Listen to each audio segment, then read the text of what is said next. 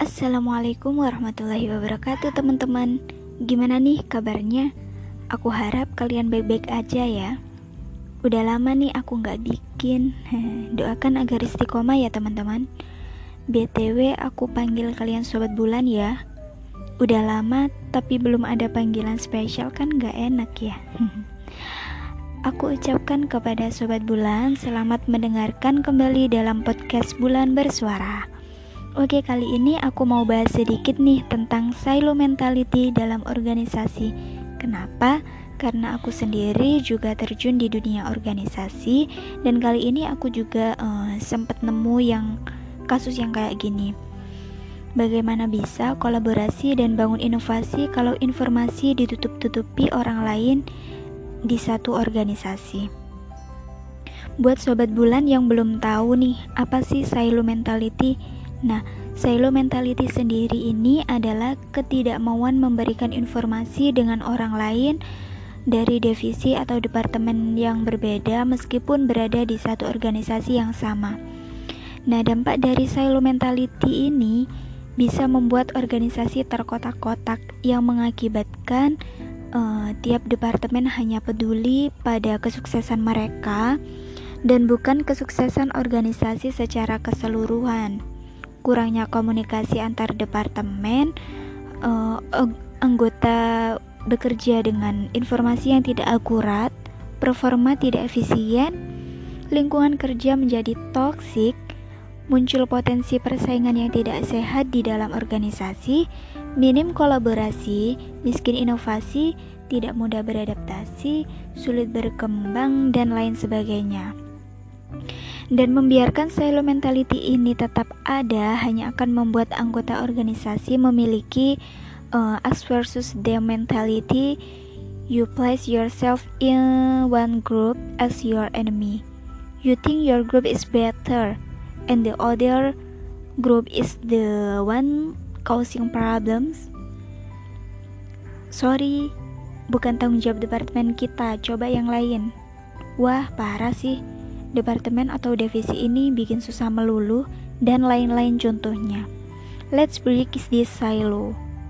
Mungkin langkah awal bisa dibikin uh, perencanaan yang efektif sesuai kapasitas organisasi.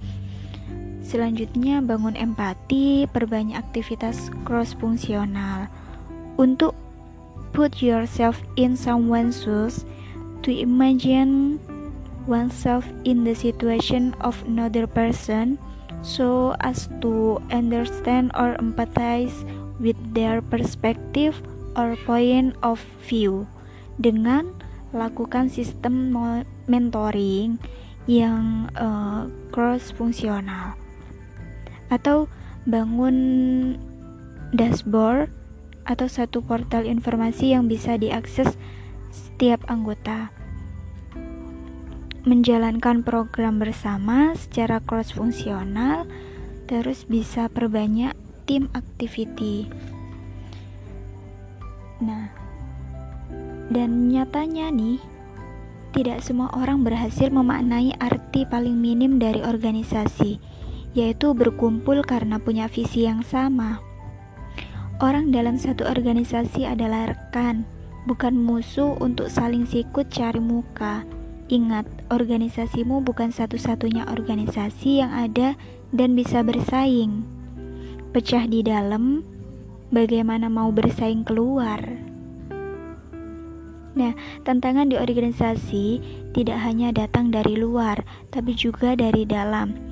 Sudah jadi hal umum bahwa setiap organisasi punya pembagian menurut uh, fungsi tapi apa jadinya jika pembagian ini malah buat kondisi di dalamnya tercerai-berai, terpecah belah dan jadi uh, duri-duri yang bisa uh, duri-duri yang buat visi misi organisasi bisa tidak tercapai.